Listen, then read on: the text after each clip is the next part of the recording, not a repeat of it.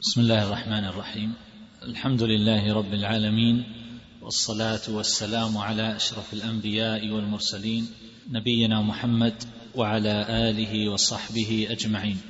أما بعد فحديثنا في هذه الليلة لا زال متصلا بموضوع الخوف إذ إنه قد بقي الحديث عن ثمراته ثم بعد ذلك ننتقل لنتحدث عن بعض النماذج من حال الخائفين حال أهل الخشية لله تبارك وتعالى. ثمرات الخوف والخشية لله جل جلاله كثيرة جدا.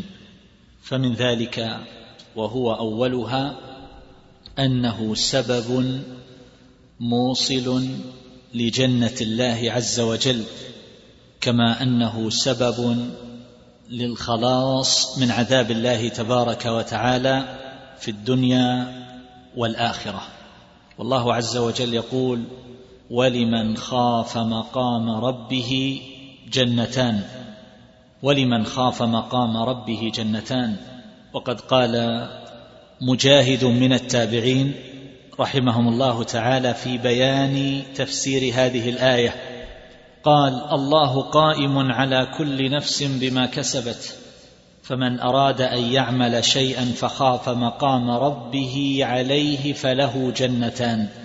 وجاء عنه قال هو الرجل يذنب فيذكر مقام ربه فيدع الذنب. وجاء في بعض الروايات هو الرجل يهم بالمعصية فيذكر الله تعالى فيتركها. أي أن هذا الخوف يحمله على ترك هذه المعصية والبعد عن مقارفتها. وجاء عن ابن عباس من طريق علي بن أبي طلحة رحمه الله قال وعد الله المؤمنين الذين خافوا مقامه وأدوا فرائضه الجنة. والمقصود أن الله عز وجل قد وعد أهل الخوف والخشية منه تبارك وتعالى وعدهم بأهل الجنة. كما قال الله عز وجل وأزلفت الجنة للمتقين غير بعيد. هذا ما توعدون لكل أواب حفيظ. من خشي الرحمن بالغيب وجاء بقلب منيب ادخلوها بسلام ذلك يوم الخلود. وقد تكلم على هذا المعنى جمع من أهل العلم بما هذا محصله منهم الحافظ ابن القيم رحمه الله في مدارج السالكين. وقد صح عن النبي صلى الله عليه وسلم أنه قال ثلاث منجيات وذكر منها خشية الله تعالى في السر والعلانية. وجاء من حديث أبي هريرة مرفوعا إلى رسول الله صلى الله عليه وسلم لا يلج النار من بكى من خشية الله حتى يعود اللبن في الضرع. لا يلج النار من بكى من خشية الله حتى يلج اللبن في الضرع واللبن لا يعود في الضرع وإنما يذكر ذلك لبيان الاستحالة. يقال حتى يشيب مفرق الغراب وحتى يعود اللبن في الضرع. يقول إذا شاب الغراب أتيت أهلي. وصار القار كاللبن الحليب القار أسود شديد السواد فلا يتحول إلى لون الحليب بشدة بياضه. ويقول صلى الله عليه وسلم ولا يجتمع غبار في سبيل الله ودخان جهنم في منخري مسلم أبدا. وهذا الحديث أخرجه أحمد والترمذي وابن ماجه والحاكم بإسناد صحيح. ومن الأمور التي يؤثرها الخوف وهو الثاني أنه أمان للخائفين. أمان لهم في يوم الفزع الأكبر كما قال الله تبارك وتعالى في الحديث القدسي وعزتي وجلالي لا أجمع لعبدي أمنين ولا خوفين. لا أجمع لعبدي أمنين ولا خوفين.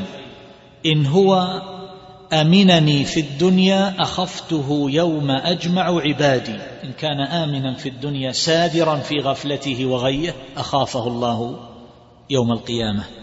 وإن هو خافني في الدنيا أمنته يوم أجمع عبادي. وهذا الحديث أخرجه البزار وغيره وهو في السلسلة الصحيحة. وجاء عن أبي أيوب الأنصاري رضي الله تعالى عنه أنه قال إن الرجل ليعمل المحقرات يعني الذنوب الذنوب الصغار التي لا يلقي لها بالا حتى يأتي الله وقد أحطن به. بمعنى أنه لم يحدث توبة ولم يورث له ذلك خشية.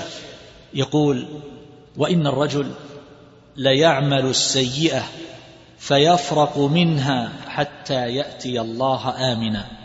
وكلنا يعرف حديث أبي هريرة مرفوعا إلى النبي صلى الله عليه وسلم في السبعة الذين يظلهم الله في ظله يوم لا ظل إلا ظله. وذكر منهم النبي صلى الله عليه وسلم ذلك الرجل الذي دعته امرأة ذات منصب وجمال فقال إني أخاف الله. وذكر الآخر وهو الذي ذكر الله خاليا ففاضت ففاضت عيناه. والشاهد من هذا أيها الإخوان هو أن هؤلاء الذين صاروا في ظل الرحمن تبارك وتعالى أن هؤلاء لا تطولهم المخاوف فهم في غاية في غاية الأمن.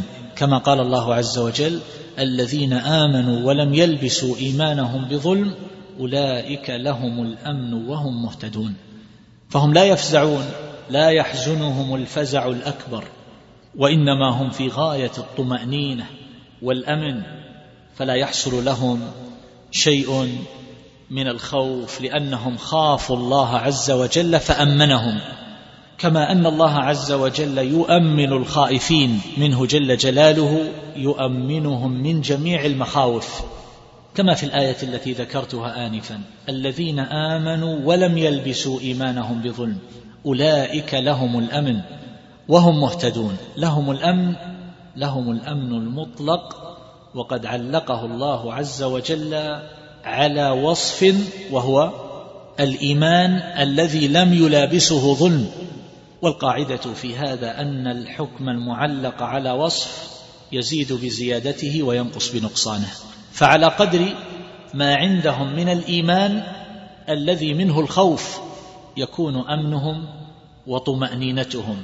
أولئك لهم الأمن وهم مهتدون وكذلك يكون يكون اهتداؤهم. ولهذا قال الفضيل بن عياض رحمه الله تعالى من خاف الله لم يضره شيء ومن خاف غير الله لم ينفعه لم ينفعه أحد. وقد جاء عن الربيع المرادي من خشي الله لم ينله أذى ومن رجا الله كان حيث كان حيث رجا ومما يورثه الخوف أيضا وهو الأمر الثالث أنه سبب لنيل مغفرة الله تبارك وتعالى. فقد جاء عن أبي هريرة رضي الله عنه مرفوعا إلى النبي صلى الله عليه وسلم أنه قال يقول الله عز وجل إذا أراد عبدي أن يعمل سيئة فلا تكتبوها عليه حتى يعملها فإن عملها فاكتبوها بمثلها وإن تركها من أجلي فاكتبوها له حسنة أخرجه الشيخان. وفي لفظ لمسلم إن تركها فاكتبوها له حسنة إنما تركها من جراي أي من أي من أجلي أي خوفا من الله جل جلاله. وفي حديث حذيفة رضي الله تعالى عنه المخرج في الصحيحين مرفوعا إلى النبي صلى الله عليه وسلم في خبر ذلك الرجل الذي حضرته الوفاة فأمر أهله أن يحرقوه ثم بعد ذلك أن يذروه في يوم شديد الريح. فلما جمع الله عز وجل أبعاضه وأجزاءه وسأله بعد ذلك لما فعلت ذلك؟ قال من خشيتك. فغفر الله له. فكانت هذه الخشية العظيمة التي وقعت لهذا الإنسان كانت سببا لمغفرة الله عز وجل. من أهل العلم من يقول بأن هذا الإنسان إنما وقع له مثل هذا لغلبة الخوف. لا أنه كان شاكا في القدرة في قدرة الله عز وجل لأن من شك في قدرة الله تبارك وتعالى فقد كفر. قالوا وإنما هي حالات تعتري الإنسان في بعض أحواله. فغلب عليه الخوف حتى بلغ به هذا المبلغ فأمرهم ان أن يفعلوا به هذا الفعل.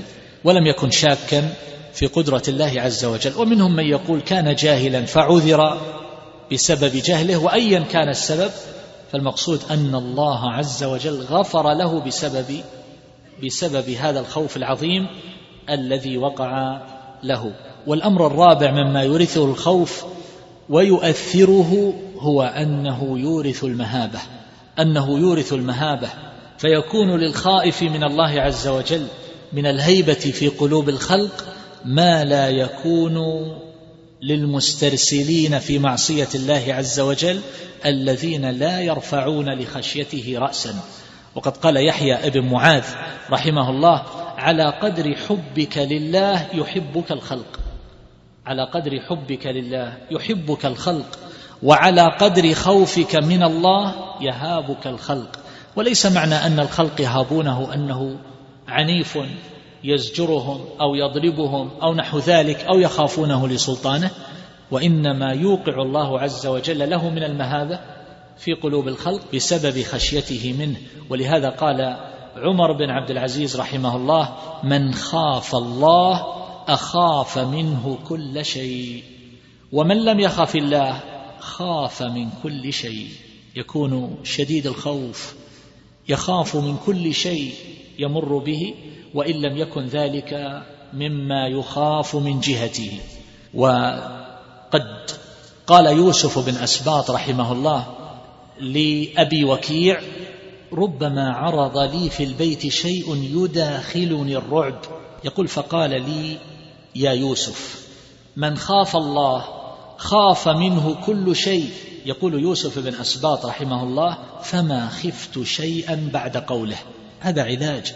يصلح لأولئك الذين يعانون من بعض الأمراض. يعانون من خوف لا يدرون ما سببه. الذي يسميه الأطباء يسمونه بالرهاب.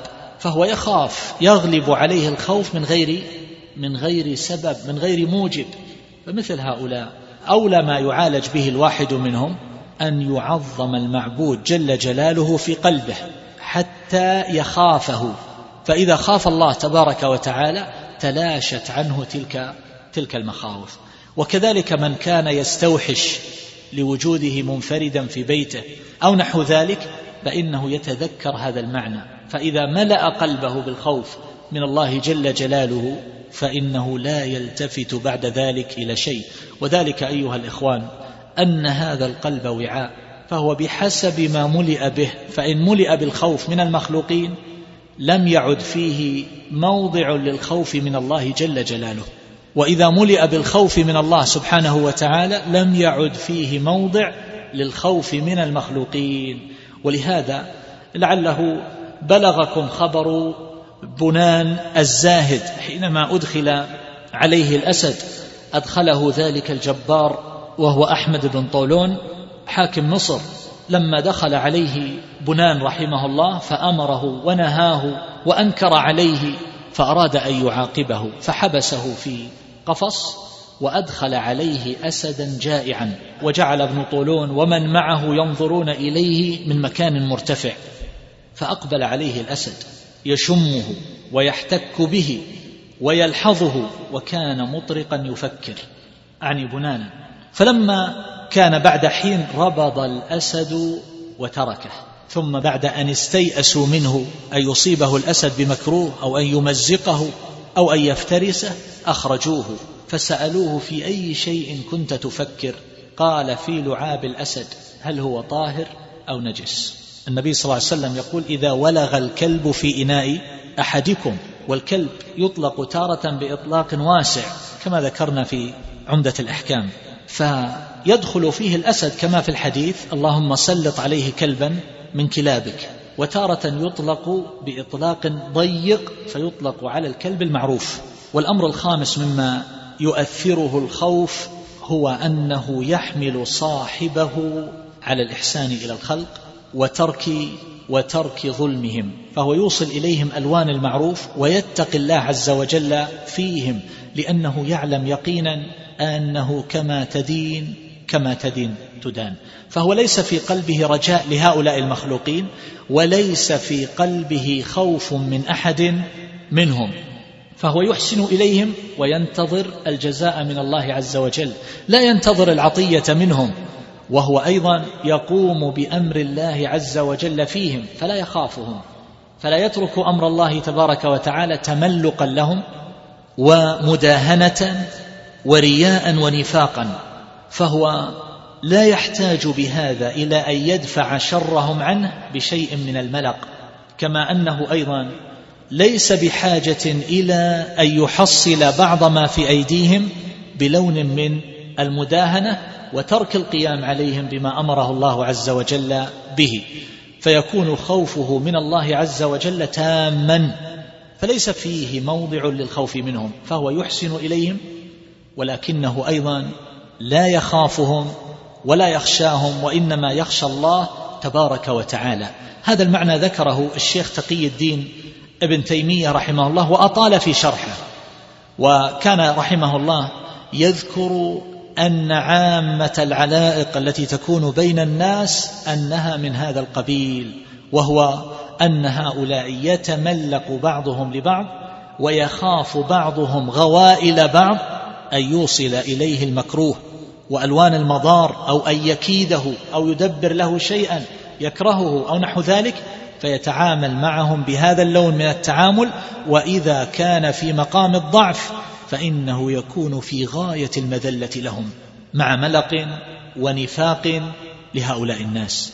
وأما إذا تمكن مثل هذا فإنه يظلمهم ويتغير عليهم بالكلية فما عاد هو فلان الذي كانوا يعرفونه بلون من المصانعة والمعاملة اللطيفة الحسنة إنما كان يصنع ذلك حينما كان يتحرى بعض ما في أيديهم أو يخاف من غائلتهم. فلما تمكن تسلط عليهم وأوصل إليهم ألوان ألوان الظلم لأنه ما عاد ما عاد يخافهم.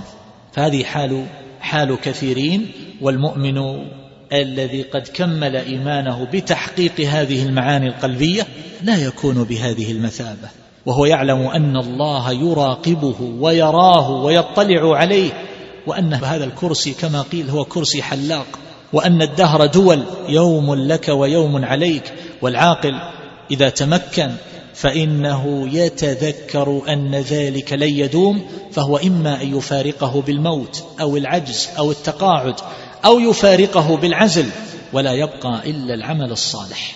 العمل الصالح ودعاء أهل الإيمان لهذا الإنسان. وأما إذا أساء إليهم وتسلط عليهم بغير حق فإنه يبقى له منهم الدعاء عليه والبغض في قلوب أهل الإيمان.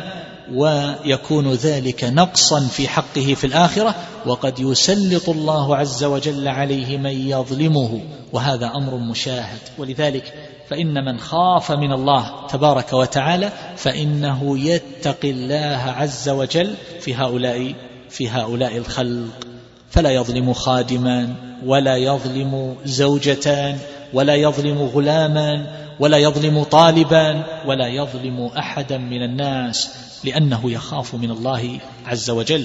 ولذلك من أراد أن يزوج ابنته فليبحث عن رجل يخاف الله عز وجل فيها لأنه لن يظلمها. وإن أبغضها وإن أبغضها فإذا قل خوفه من الله عز وجل فلا تسأل عما يوصله إليها من أنواع من أنواع المظالم.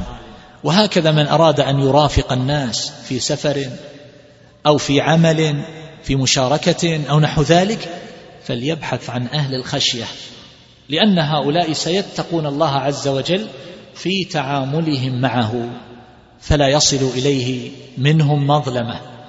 والأمر السادس هو أن الخوف سائق يسوق العبد إلى امتثال المأمور واجتناب واجتناب المحظور فيعمل بطاعة الله عز وجل ويشمر في ذلك ويقمع هذه النفس التي تريد أن تستولي عليه بالشهوات وأن تحمله على الإبحار في معصية الله تبارك وتعالى ومفارقه ومفارقة الطاعة. فيكون مشمرا بفعل الواجبات والمستحبات مجتنبا للمحرمات والمكروهات والفضول من المباحات.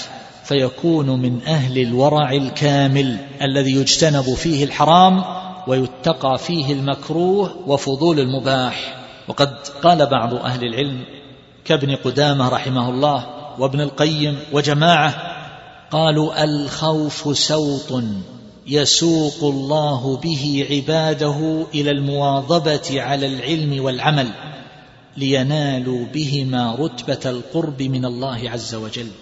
وقد قيل الخوف سوط الله يقوم به الشاردين عن بابه. الخوف سوط الله يقوم به الشاردين عن بابه. وقد قال آخر اعلم أن العلم قائد والخوف سائق والنفس حرون بين ذلك يعني أنها تحب الإخلاد ولا تنبعث للطاعة فتحتاج إلى سياط من أجل أن تنطلق فهي كالدابة الحرون التي لا تسير براكبها. يقول والنفس حرون بين ذلك جموح خداعة رواغة فاحذرها وراعها بسياسة العلم وسقها بتهديد الخوف يتم لك ما تريد. وجاء عن عبيد الله بن أبي جعفر أنه قال كان يقال ما استعان عبد على دينه بمثل الخشية من الله تبارك وتعالى. وذلك أن هذه الخشية هي التي تحمله على صيام النهار وقيام الليل وفعل الفرائض وترك المحرمات. لولا الخشية لأخلد الناس إلى المعاصي والشهوات والذنوب التي غرزت في نفوسهم وركبت فيها تركيبا عجيبا. لهذا جاء عن جماعة من السلف كابن عباس رضي الله تعالى عنهما أن الخائف حقيقة هو من ركب طاعة الله وترك وترك معصيته.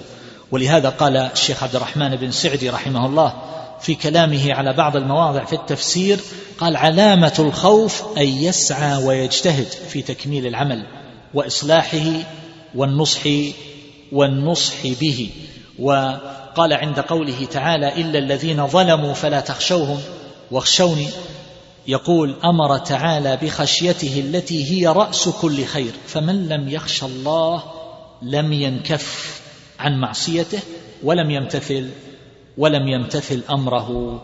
فالمقصود أن الخوف أيها الإخوان هو الذي يضبط النفس ويكبح جماحها فلا تنطلق في أودية المعصية والهلكة ثم بعد ذلك يكون أمره فرطا ولهذا قال إبراهيم بن سفيان رحمه الله إذا سكن الخوف القلب أحرق مواضع الشهوات منه وطرد الدنيا عنه.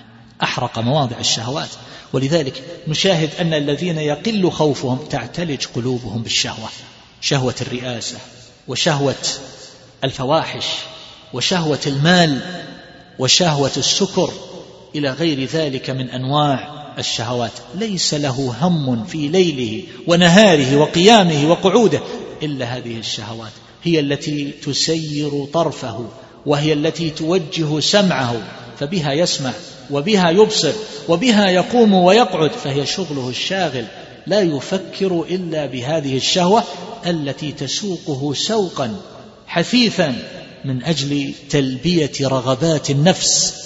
التي صارت بهذه المثابة فالخوف يقمع الشهوة ويكدر اللذة كما يقول الحافظ ابن القيم رحمه الله وغيره فتصير المعاصي المحبوبة عنده مكروهة كما يصير العسل مكروها عند من يشتهيه إذا علم أن فيه سما فتحترق الشهوات بالخوف وتتأدب الجوارح ويذل القلب ويستكين ويفارقه الكبر والحقد والحسد ويصير همه وشغله إنما هو في ملاحظة الخطرات والحركات والسكنات فيكون قلبه قد تفرغ وجوارحه قد تفرغت لطلب مرضاة المعبود جل جلاله فمراقبته تامة لله ولجوارحه وجميع أعماله وشؤونه فهو محاسب لنفسه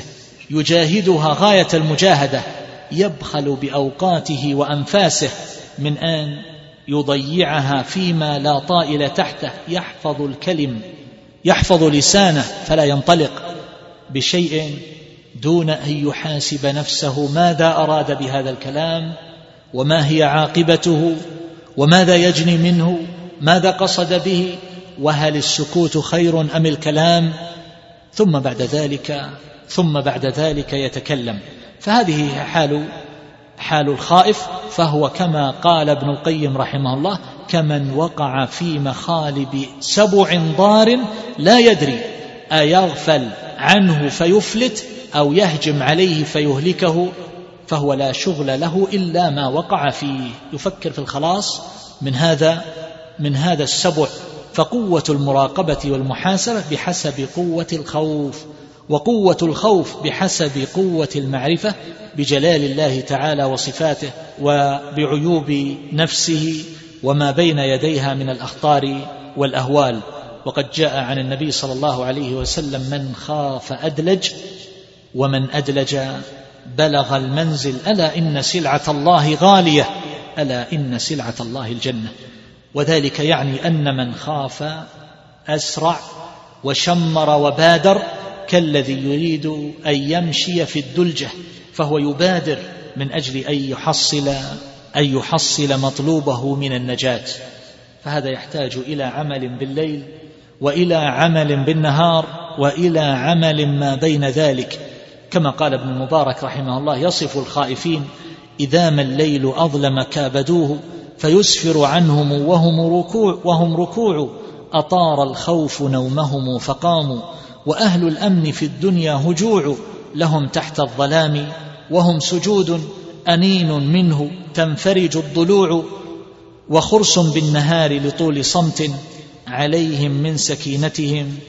خشوع. والله يقول وأما من خاف مقام ربه ونهى النفس عن الهوى فإن الجنة هي المأوى. فذلك كما قال مجاهد رحمه الله هو الرجل الرجل يهم بالمعصية فيذكر مقامه بين يدي الله فيتركها خوفا من الله كما سبق. فإذا كان وجل القلب من ذكره يتضمن خشيته ومخافته فذلك يدعو صاحبه إلى فعل المأمور وترك المحظور كما كما ذكرنا. ويدل على ذلك قول الله تبارك وتعالى ولما سكت عن موسى الغضب أخذ الألواح وفي نسختها هدى ورحمة للذين هم لربهم يرهبون. فأخبر الله جل جلاله أن الهدى والرحمة للذين يرهبون الله. قال مجاهد وإبراهيم هو الرجل يريد أن يذنب الذنب فيذكر مقام الله فيدع فيدع الذنب. قد تكلم على هذا معنى وعلق على هذه الآيات بكلام جيد الشيخ تقي الدين ابن تيمية رحمه الله في عدد في عدد من المواضع. وذلك أن هذه الآيات تدل على أن من كان معه الخوف من الله عز وجل فإن ذلك يعني أنه يكون من أهل التقوى من أهل التقوى بفعل المأمور وبترك المحظور. وهذا يوسف صلى الله عليه وسلم لما تعرضت له امرأة العزيز وراودته عن نفسه ثم بعد ذلك جاء أولئك النسوة وقلن ما قلنا دعا ربه أن يصرف عنه كيدهن. وذلك مقام لا يتماسك فيه إلا من نجاه الله عز وجل من أهل من أهل الخشية. فدل ذلك على أن معه من الخوف من الله عز وجل ما يزعه عن مقارفة الفواحش وإن رضي بها وإن رضي بها الناس أو استحسنوها فدعا ربه أن يصرف عنه كيدهن. وهكذا الذين يشتغلون بالأمور التافهة من العشق فإنما ذلك لخلو قلوبهم من خشية الله عز وجل ومحبته والإقبال عليه. ولو أن هذا الإنسان كان محققا للخشية من الله عز وجل لما وقع في هذا. لا يقع في مثل هذه الأمور إلا رجل قد قل خوفه من ربه سبحانه وتعالى. وكذلك أيضا قد يكون تركه لها من أجل خوفه على شرفه وسمعته أو سمعة عائلته وأسرته أو خوفه على منصبه أو بسبب خوفه من أهلها أو قراباتها أو نحو ذلك. المقصود أن الخوف يحجزه عن الوقوع في مثل في مثل هذه الأمور. وقد صح عن النبي صلى الله عليه وسلم أنه قال ثلاث مهلكات وذكر الشح المطاع والهوى المتبع وذكر ما يقابلها من الثلاث المنجيات التي أشرت إليها في أول هذا الحديث وهي خشية الله في السر والعلانية. وجاء في الحديث الآخر اللهم إني أسألك خشيتك في السر والعلانية. فذلك يقابل اتباع اتباع الهوى فإن الخشية تمنع منه كما قال الله عز وجل وأما من خاف مقام ربه ونهى النفس عن الهوى فإن الجنة هي المأوى. فإنه لا يمكن أن يمنع الهوى الذي يتجارى مع الإنسان كما يجري فيه الدم في العروق. لا يمكن أن يمنع ذلك إلا بالخشية بالخشية من الله تبارك وتعالى. فالذي يخاف مقام الرب جل جلاله لا يقدم على معصيته. فإن وقع فيها بحكم ضعفه البشري قاده خوف هذا المقام الجليل. وأما من خاف مقام ربه يقوده إلى الندم والاستغفار والتوبة فيبقى في دائره في دائرة الطاعة. لا يذهب بعيدا. فالخوف من الله أيها الإخوان هو الحاجز الصلب أمام دفعات الهوى العنيفة. هو الحاجز الصلب الذي يحول بينك وبين موجات الهوى وضغط النفس والشهوات التي قد ركبت فيها. وقل أن يثبت غير هذا. يعني لو أن الإنسان أراد أن يتجمل أمام الناس فإنه سرعان ما يتخلى عن ذلك إذا خلا أو أنه سافر إلى بلد لا يعرف فيها.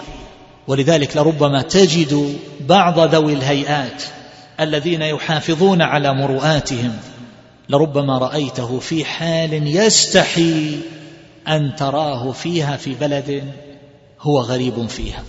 ما الذي جعله كذلك؟ لأن خوفه من الله عز وجل قد قل. وأما من كمل خوفه فإنه خائف في كل حال وفي كل مكان وزمان فهو وإن سافر فهو ملازم للتقوى. الخوف يعمر يعمر قلبه. وعلى كل حال هذا علاج من الله أو توصيف من الله الذي يعلم النفوس ويعلم خلجات النفوس وما يصلح النفوس. وأما من خاف مقام ربه ونهى النفس عن الهوى. فنحن بحاجة إلى هذه المعالجة أيها الإخوان. في هذا الوقت الذي صار الشر فيه أقرب من اليد للفم. صار الإنسان يستطيع أن يصل إلى ما يريد من ألوان الشرور وأن يسرح طرفه في ألوان المنكرات وأن ينظر في ألوان في ألوان الردى. فيخسر بذلك كل قيمة وتربية قد تعلمها في سالف أيامه. هذا أمر لا يمكن أن يحجز عنه إلا الخوف من الله عز وجل. هذه الصور والأفلام التي تأتيه بصورة تلقائية عن طريق جهاز الهاتف أو يمكن أن يصل إليها أو تأتيه من غير طلب في جهازه الحاسوب في الإنترنت. ويمكن أن يكون ذلك عن طريق القنوات أو غير ذلك. ما الذي يحجزه عن هذا؟ ما الذي يحجزه عن مسارقة النظر؟ وهي مسارقة يعقبها ما يعقبها من تحرك النفس واشتداد الشهوة حتى إن الإنسان يخرج ليبحث عن تفريغ لها بأي بأي طريق ويكون كالذي يشرب من ماء البحر. لا يرتوي فهو يعافس هذه المشاهد والمناظر القبيحة الكريهة فيتغذى قلبه منها صديدا ودما وقيحا فيمرض هذا القلب.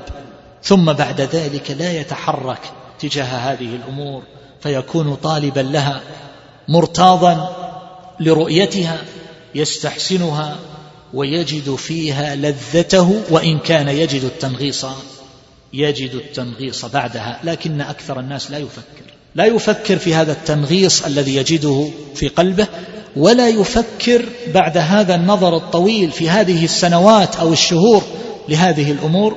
ما الذي خرج به؟ ماذا حصل من هذا التعب والإنهاك لقوى الجسد في تتبع هذه الأمور؟ والقبائح لو فكر العاقل بهذا لتخلى عن ذلك كله كيف لو أنه خشي الله جل جلاله وراقبه وكان ممن حقق هذه المعاني والمراتب؟ فأقول نحن في هذا الوقت أحوج ما نكون إلى مثل هذه إلى مثل هذه الأمور. ما عادت الأمور كما كانت في السابق؟ الإنسان لو أراد لا يجد. ولربما لا يجد إلا الواحد بعد الواحد وبطريقة يخرج فيها صورة واحدة لربما كانت ممزقة في جيبه من كثرة ما يفتح هذه الورقة وتقع في يده ويد الآخرين ممن يحب أن يعرضها عليهم. الآن ما أصبحت القضية بهذا الشكل. وما عاد الإنسان يخاف الرقابة البشرية أن يكتشف ذلك معه ثم يفتضح إذا كان يخاف من الفضيحة ويستحي. أصبحت القضية الآن وهو في جوف بيته يستطيع أن يصل إلى كل ما يريد.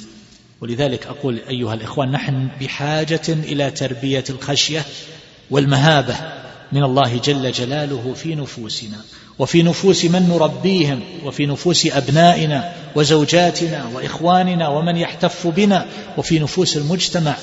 وإلا فإن انزلاقهم لن يكون إلى حد قريب وإنما سيكون إلى جرف سحيق. قد يخسر الإنسان معه كل شيء. يخسر كل شيء. في دنياه وفي آخرته. يعيش محطما. منهك القوى. يبحث عن الشهوة بكل طريق. يقضي فيها كل ما جمعه من مال. ولا يستخسر شيئا في ذلك. وأما الآخرة فأمرها فأمرها إلى الله تبارك وتعالى. انظر إلى ما ذكره الله عز وجل في صفة أهل الخشية. حينما ذكر صلتهم للأرحام يصلون ما أمر الله به أن يوصل. فهؤلاء ما الذي حملهم على ذلك؟ على هذه الصلة؟ هي خشيته. هو خوف سوء الحساب يوم القيامة. فلا يمكن لأحد أن يقوم بما افترض الله عز وجل عليه من بر وصلة وأداء للحقوق إلا بهذه الخشية. والخلاصة أنه لا يمكن للإنسان أن يمتثل أمر الله إلا إذا كان محققا لهذا لهذا المقام. وقد تكلم على هذا المعنى الأخير الحافظ ابن القيم رحمه الله في كتاب عدة الصابرين. وأمر سابع مما يورثه الخوف هو أنه يدله على كل خير. يدله على كل خير ولو أردنا أن نتتبع لطال بنا المقام. فالخشية أيها الإخوان هي ميلاك الأمر فمن خشي الله جاء منه كل خير ومن أمن اجترأ على كل على كل شر. ولهذا قال الفضيل من خاف الله دله الخوف على كل خير وقال آخر أصل كل خير في الدنيا والآخرة الخوف من الله عز وجل. وكل قلب ليس فيه خوف فهو قلب خرب. وجاء عن الحسن رحمه الله الخوف والرجاء مطيتا المؤمن بمعنى أنه يركب بهما فتوصله إلى كل إلى كل خير. وجاء عن بعضهم الخوف سراج في القلب يبصر به ما فيه من الخير من الخير والشر.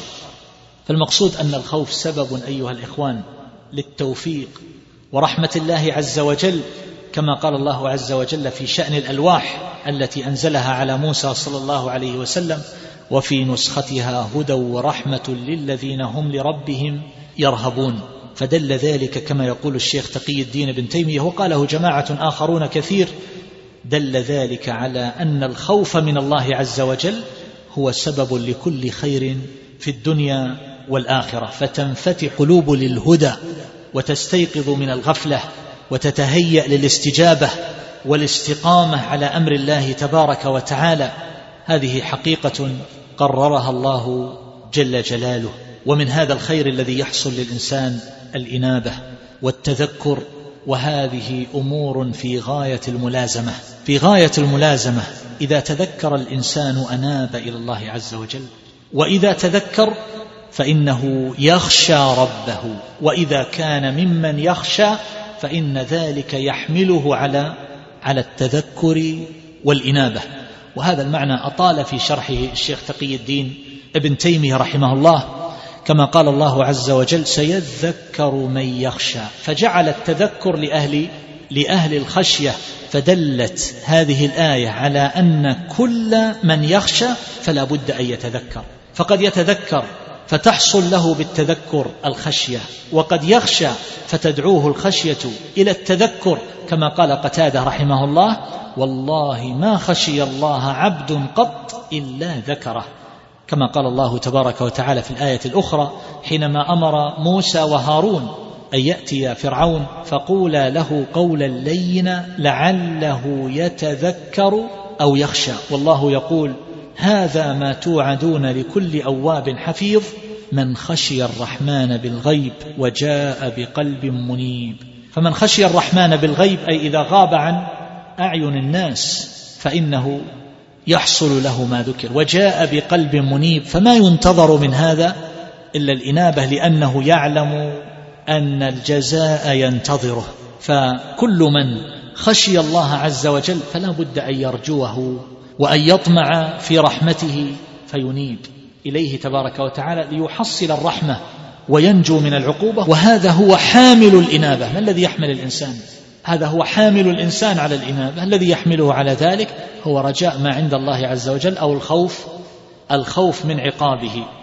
وعلى كل حال خلاصة ذلك أن الخشية تكون سببا للإنابة وتكون سببا للتذكر. كما أن التذكر إذا تذكر الإنسان وأعمل قلبه وفكره فإن ذلك يحمله على خشية على خشية الله عز وجل. فكل واحد منهما يمكن أن يكون نتيجة للآخر ويمكن أن يكون سببا أن يكون سببا له. وقد يتذكر الإنسان بعض الأمور المخوفة فيخاف حتى في أموره حتى في أموره العادية. هذا معنى أطال في الكلام عليه شيخ الإسلام ابن تيمية رحمه الله تعالى. ننتقل بعد ذلك إلى آخر ما نذكره في الكلام على الخوف وهو أحوال الخائفين أو نماذج وصور من الخوف من الله تبارك وتعالى. أيها الإخوان قبل أن نتحدث عن خوف الملائكة أو خوف الأنبياء أو خوف الصحابة أو خوف التابعين والسلف الصالح رضي الله تعالى عنهم أقول الجمادات وهي جمادات قال الله عز وجل وإن من الحجارة لما يتفجر منه الأنهار وإن منها لما يشقق فيخرج منه الماء وإن منها لما يهبط من خشية لما يهبط من خشية الله.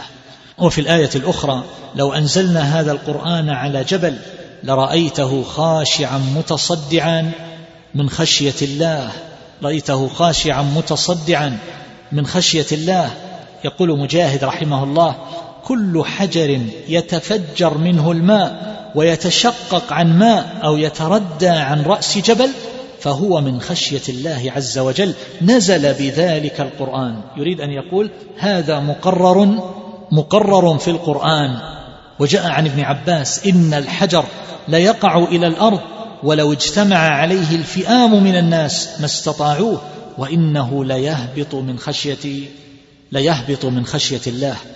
وقد ذكر الشيخ تقي الدين ابن تيمية رحمه الله أن هذه الأحجار تعرف ربها. تعليقا على هذه الآية. يقول إن هذه الأحجار تعرف ربها معرفة تليق بها وإلا لما هبطت من خشية لما هبطت من خشية الله. والله عز وجل يقول ويسألونك عن الجبال فقل ينسفها ربي نسفا فيذرها قاعا صفصفا لا ترى فيها عوجا ولا أمتا.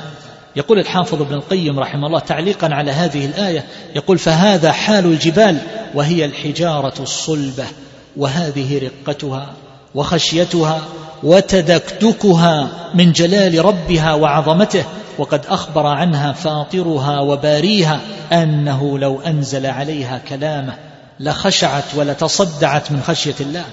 فيا عجبا من مضغة لحم أقسى من هذه الجبال وهي القلب تسمع آيات الله تتلى عليها ويذكر الرب تبارك وتعالى فلا تلين ولا تخشع ولا تنيب فليس بمستنكر على الله عز وجل ولا يخالف حكمته أن يخلق لها نارا تذيبها. يعني القلوب. أن يخلق لها نارا تذيبها. إذ لم تلن بكلامه وذكره وزواجره ومواعظه فمن لم يلن لله في هذه الدار قلبه ولم ينب إليه ولم يذبه بحبه والبكاء من خشيته فليتمتع قليلا. فإن أمامه الملين الأعظم وسيرد إلى عالم الغيب والشهادة. فيرى ويعلم البهائم أيها الإخوان. البهائم التي لم يجعل الله عز وجل لها عقولا تخاف من الله عز وجل. وقد صح عن النبي صلى الله عليه وسلم كما عند أبي داود والنسائي وغيرهما ما على الأرض من دابة إلا وهي تصبح يوم الجمعة مصيخة أي مستمعة مصغية تتوقع قيام الساعة. لأن الساعة تقوم في يوم الجمعة.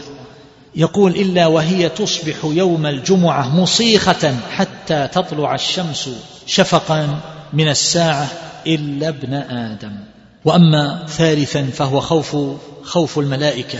فالله عز وجل قد وصفهم بقوله يخافون ربهم من فوقهم ويفعلون ما يؤمرون.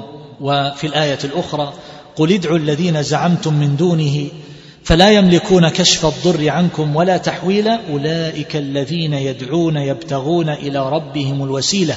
أيهم أقرب ويرجون رحمته ويخافون عذابه. فهذا يدخل فيه من عبد من الملائكة ومن الأنبياء ومن الصالحين. فالله عز وجل يقول للمشركين ادعوا هؤلاء الذين تدعونهم فإنهم في غاية الغفلة عن دعائكم لأنهم مشتغلون بالخوف من الله عز وجل ورجائه ولا يلتفتون إليكم وإلى عبادتكم كما قال في بيان معناها الحافظ ابن القيم رحمه الله وقد صح عن النبي صلى الله عليه وسلم أنه قال مررت ليلة أسري بي بالملأ الأعلى وجبريل كالحلس البالي من خشية الله من خشية الله تعالى. والحديث في الطبراني عند الطبراني في الأوسط وهو في صحيح الجامع. وأما ما جاء في خوف الأنبياء والمرسلين عليهم صلوات الله أجمعين فقد وصفهم الله عز وجل بأنهم كانوا يسارعون في الخيرات. قال ويدعوننا رغبا ورهبا وكانوا لنا خاشعين ووصف إبراهيم صلى الله عليه وسلم وهو كبير الأنبياء بأنه أواه أواه. وقد قيل في معنى الأواه أنه إذا ذكر النار تأوه. وقال بعضهم هو الذي يكثر التأوه من ذنوبه ولا منافاة بين المعنيين وقيل غير ذلك. وأما النبي صلى الله عليه وسلم فشأنه معروف. وقد كان عليه الصلاة والسلام يقول فوالله إني أعلمهم بالله وأشدهم وأشدهم له خشية وكان صلى الله عليه وسلم وقد غفر له ما تقدم من ذنبه وما تأخر. كان يقول كيف أنعم؟ وصاحب القرن قد التقم القرن وصاحب القرن قد التقم القرن وحنى الجبهة وأصغى السمع ينتظر متى يؤمر بالنفخ. قالوا كيف نصنع؟ قال قولوا حسبنا الله ونعم الوكيل على الله توكلنا. هذا الحديث أخرجه الحاكم وهو في السلسلة الصحيحة. وجاء أيضا عن من حديث ابن عباس رضي الله تعالى عنهما أن النبي صلى الله عليه وسلم قال له أبو بكر يا رسول الله قد شبت. قال صلى الله عليه وسلم شيبتني هود. هود تضمنت أخبار الأمم المهلكة ممن كذبوا الرسل عليهم الصلاة والسلام. شيبتني هود. والواقعة والمرسلات وعما يتساءلون وإذا الشمس كورت. وهذه فيها أوصاف القيامة فيها أوصاف القيامة أخرجه الترمذي وغيره. وجاء عنه صلى الله عليه وسلم أنه إذا دخل في الصلاة يسمع لصدره أزيز كأزيز المرجل يسمع لصدره أزيز كأزيز المرجل أخرجه أبو داود وفي حديث عائشة رضي الله عنها أن النبي صلى الله عليه وسلم كان إذا تغير الهواء وهبت ريح عاصفة تغير وجهه صلى الله عليه وسلم. فيقوم ويتردد في الحجرة ويدخل ويخرج كل ذلك خوفا من عذاب الله تبارك وتعالى. وهذا مخرج في الصحيحين. وجاء أيضا فيهما من حديث ابن عمر رضي الله عنه أنه قال لما مر النبي صلى الله عليه وسلم بالحجر حينما قفل من غزوة تبوك قال لا تدخلوا مساكن الذين ظلموا أنفسهم أن يصيبكم ما أصابهم إلا أن تكونوا باكين. ثم قنع رأسه وأسرع السير حتى أجاز الوادي. وهذا رسول الله صلى الله عليه وسلم خرج غازيا في سبيله. فكيف بمن يذهب ويتسكع في تلك المحال؟ وهو يعلق كاميرة في صدره وهو يضحك بملء يضحك بملء فمه. فأين هؤلاء من حال رسول الله صلى الله عليه وسلم؟ وجاء في رواية عند البخاري ثم تقنع بردائه وهو وهو على الرحل يعني تغطى بردائه عليه الصلاة والسلام. وأما الصحابة رضي الله تعالى عنهم وهو خامسا في أحوال أهل الخشية فقد جاء في وصف خوفهم من الله عز وجل على سبيل الإجمال والعموم كما جاء عن علي رضي الله تعالى عنه إذ إنه رؤي وقد علته الكآبة. ثم قال لقد رأيت أصحاب محمد صلى الله عليه وسلم فلم أرى اليوم شيئا يشبههم. يقوله في زمانه لقد كانوا يصبحون شعثا غبرا بين أعينهم أمثال ركب المعزى يعني من السجود. قد باتوا لله سجدا وقياما يتلون كتاب الله يراوحون بين جباههم وأقدامهم فإذا أصبحوا ذكروا الله فمادوا كما يميد الشجر في يوم الريح وهملت أعينهم حتى تبل ثيابهم. والله فكأني بالقوم يعني من يعاصرهم كأني بالقوم باتوا غافلين فما رؤي بعد ذلك ضاحكا حتى ضربه ابن ملجم. ولما وعظ النبي صلى الله عليه وسلم هؤلاء الصحابة كما في حديث العرباض ابن سارية رضي الله تعالى عنه موعظة وجلت منها القلوب قال وذرفت منها العيون فهذا وصف أصحاب النبي صلى الله عليه وسلم وهو الوصف الذي مدحه الله عز وجل مدح أهله بقوله إنما المؤمنون الذين إذا ذكر الله وجلت قلوبهم وإذا تليت عليهم آياته زادتهم إيمانا وقال ألم يأن للذين آمنوا أن تخشع قلوبهم لذكر الله وما نزل من الحق؟ والله يقول الله نزل أحسن الحديث كتابا متشابها مثانية تقشعر منه جلود الذين يخشون ربهم ثم تلين جلودهم وقلوبهم إلى ذكر الله ويقول وإذا سمعوا ما أنزل إلى الرسول ترى أعينهم تفيض من الدمع مما عرفوا. من الحق. وقد وقعت ظلمة شديدة في أواخر عهد الصحابة رضي الله تعالى عنهم. كما قال عبيد الله ابن النضر فيما يرويه عن أبيه يقول فلما انجلت يقول كانت كأن النهار ليل من شدة هذه الظلمة. يقول فلما انجلت أتيته فقلت يا أبا حمزة وهي كنية لأنس بن مالك رضي الله عنه هل كان يصيبكم مثل هذا على عهد رسول الله صلى الله عليه وسلم؟ قال معاذ الله. إن كانت الريح لتشتد فنبتدر إلى المسجد أينا يدخله أولا. إذا اشتدت الريح من شدة خوفهم وهم أهل الطاعة الذين مدحهم الله عز وجل في القرآن كانوا يبتدرون المسجد من شدة من شدة خوفهم. قال ابن أبي مليكة أدركت ثلاثين من أصحاب النبي صلى الله عليه وسلم كلهم يخاف النفاق على نفسه أخرجه البخاري. مع هذه الحال وهذه العبادة وصحبة النبي صلى الله عليه وسلم والجهاد معه ومع ذلك كانوا إذا هبت الريح خافوا ويخافون على أنفسهم من النفاق. وكان الحسن البصري رحمه الله يعاتب أهل زمانه فيقول لقد مضى بين يديكم أقوام لو أن أحدهم أنفق عدد هذا الحصى لخشي ألا ينجو من عظم ذلك اليوم. وأختم هذه القضية بما ذكره ابن القيم رحمه الله بقوله ومن تأمل أحوال الصحابة رضي الله عنهم وجدهم في غاية العمل مع غاية الخوف ونحن جمعنا بين التقصير بل التفريط والأمن. ثم بعد ذلك أذكر بعض أحوال الصحابة رضي الله تعالى عنهم فيما يتصل عدد منهم كل على حدة. سأذكر نماذج من خوف أصحاب رسول الله صلى الله عليه وسلم مما ورد على سبيل التخصيص لبعضهم ثم أذكر بعد ذلك جملة من أحوال التابعين فمن بعدهم رضي الله تعالى عنهم. وقبل الشروع في الحديث عن هذا أريد أن أذكر بأمر وهو أن هذه الأشياء إنما تحرك بها القلوب. وإذا كان قلب الإنسان لا يتأثر ولا يتحرك بهذا ولا يتأثر في الصلاة ولا عند سماع القرآن أو قراءته فهذا قلب قد قسى وتحجر فقد لا تنفع فيه المواعظ فينبغي لصاحبه أن يعالجه بإزالة ما علق به من الران. بسبب كثرة الذنوب وغلبة الغفلة على صاحب هذا القلب. وقد يأتي الشيطان أيها الإخوان إلى الإنسان حينما يسمع بعض صفة هؤلاء رضي الله تعالى عنهم وأرضاهم ثم يتفلسف ثم يتفلسف فيضيع عليه الشيطان هذه الفائدة.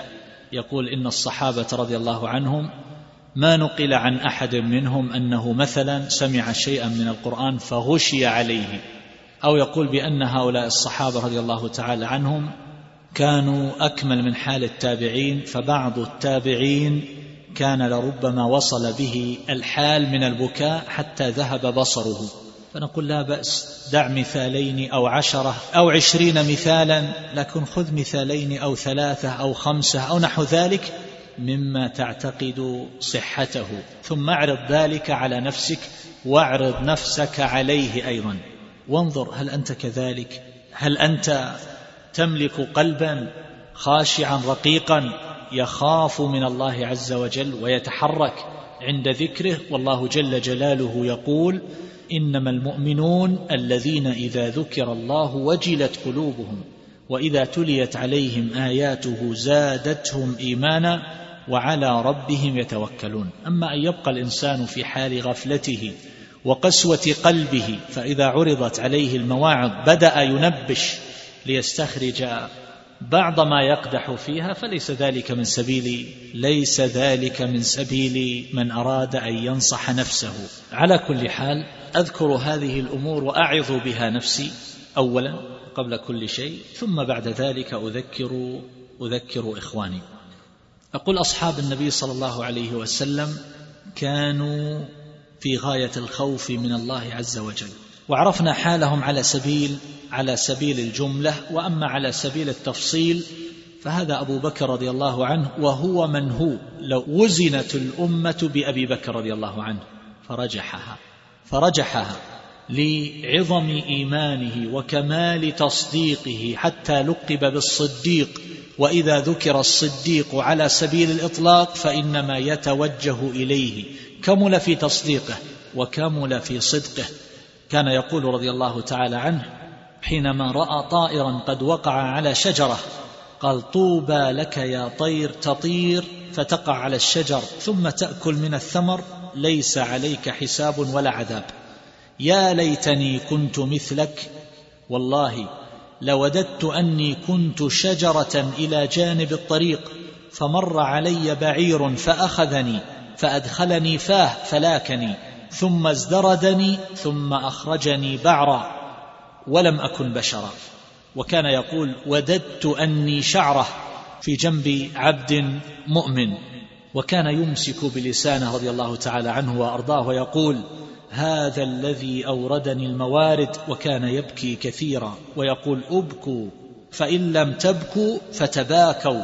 وكان إذا قام إلى الصلاة كأنه عود من خشية الله عز وجل. وأتي مرة بطائر فأخذ يقلبه ثم قال ما صيد ما صيد ولا قطعت من شجرة إلا بما ضيعت من التسبيح. هكذا روي عنه رضي الله عنه. ولما احتضر قال لعائشة رضي الله عنها يا بنيه إني أصبت من مال المسلمين هذه العباءة وهذا الحلاب وهذا العبد فأسرعي به إلى ابن الخطاب ثم قال والله لوددت أني كنت هذه الشجرة تؤكل وتعضد. قال قتادة بلغنا أن أبا بكر رضي الله عنه قال ليتني خضرة تأكلني الدواب. هذا أبو بكر. سيد المسلمين رضي الله تعالى عنه وأرضاه. وهذا خليفته عمر رضي الله تعالى عنه. قال يوما لكعب رضي الله عنه يا كعب خوفنا يا كعب خوفنا. فقال كعب يا أمير المؤمنين اعمل عمل رجل لو وافيت يوم القيامة بعمل سبعين نبيا لازدرأت عملك مما ترى. وراى رضي الله تعالى عنه في يد جابر بن عبد الله رضي الله عنه لحما معلقا. فقال ما هذا يا جابر؟ فقال جابر رضي الله عنه اشتهيت لحما فاشتريته. فقال عمر كلما اشتهيت شيئا اشتريته أما تخاف هذه الآية؟ أذهبتم طيباتكم في حياتكم الدنيا. وكان هذا مذهبا لعمر رضي الله تعالى عنه. يرى أن الإكثار من المباح والتوسع فيه أن ذلك ينقص مرتبة صاحبه في الآخرة. وقد تكلم على هذا المعنى جماعة منهم الشاطبي رحمه الله في كتاب الموافقات. وقرأ في صلاة الفجر رضي الله عنه من سورة يوسف إنما أشكو بثي وحزني إلى الله ثم بكى حتى سمع نشيجه من آخر الصفوف من خشية الله والتضرع والشكاية وقرأ سورة الطور إلى أن بلغ قوله إن عذاب ربك لواقع فبكى واشتد بكاؤه حتى مرض وعادوه وقال لابنه وهو في سياق الموت ويحك يقول لعبد الله بن عمر ويحك ضع خدي على الأرض عساه أن يرحمني. ثم قال ويل أمي إن لم يغفر الله لي ويل أمي إن لم يغفر الله لي ويل أمي إن لم يغفر الله لي. ثم قضى. وكان يمر رضي الله تعالى عنه بالآية في ورده من الليل فتخنقه العبرة. فيبقى في البيت أياما. يعاد يحسبونه مريضا. وكان في وجه عمر رضي الله تعالى عنه خطان أسودان من البكاء. قال له ابن عباس رضي الله تعالى عنه يهون عليه مصر الله بك الأمصار وفتح بك الفتوح وفعل وفعل فقال وددت أني أنجو لا أجر ولا وزر لا أجر ولا وزر. ورآه عبد الله بن عامر بن ربيعة أخذ تبنة من الأرض. عمر يأخذ تبنة من الأرض يقول يا ليتني هذه التبنة ليتني لم أكن شيئا ليت أمي لم تلدني ليتني كنت نسيا منسيا ليتني كنت نسيا منسيا. وكان يقول لو نادى مناد من السماء أيها الناس إنكم داخلون الجنة كلكم إلا رجلا واحدا. لخفت أن أكون أنا هو لخفت أن أكون أنا هو. ولما طعن قال رضي الله عنه لو أن لي طلاع الأرض ذهبا لافتديت به من عذاب الله قبل أن أراه. ولربما أوقدت النار في بيته ثم أدنى يده منها. ثم قال يا ابن الخطاب هل لك على هذا صبر؟ هل لك على هذا صبر؟ وهذا كما كان يفعل جماعة كالأحنف بن قيس رضي الله تعالى عنه حينما كان يأتي إلى المصباح ويضع أصبعه ثم يقول حس حس يا حنيف ما فعلك على ما صنعت يوم كذا؟ ما حملك على ما صنعت؟ يوم كذا.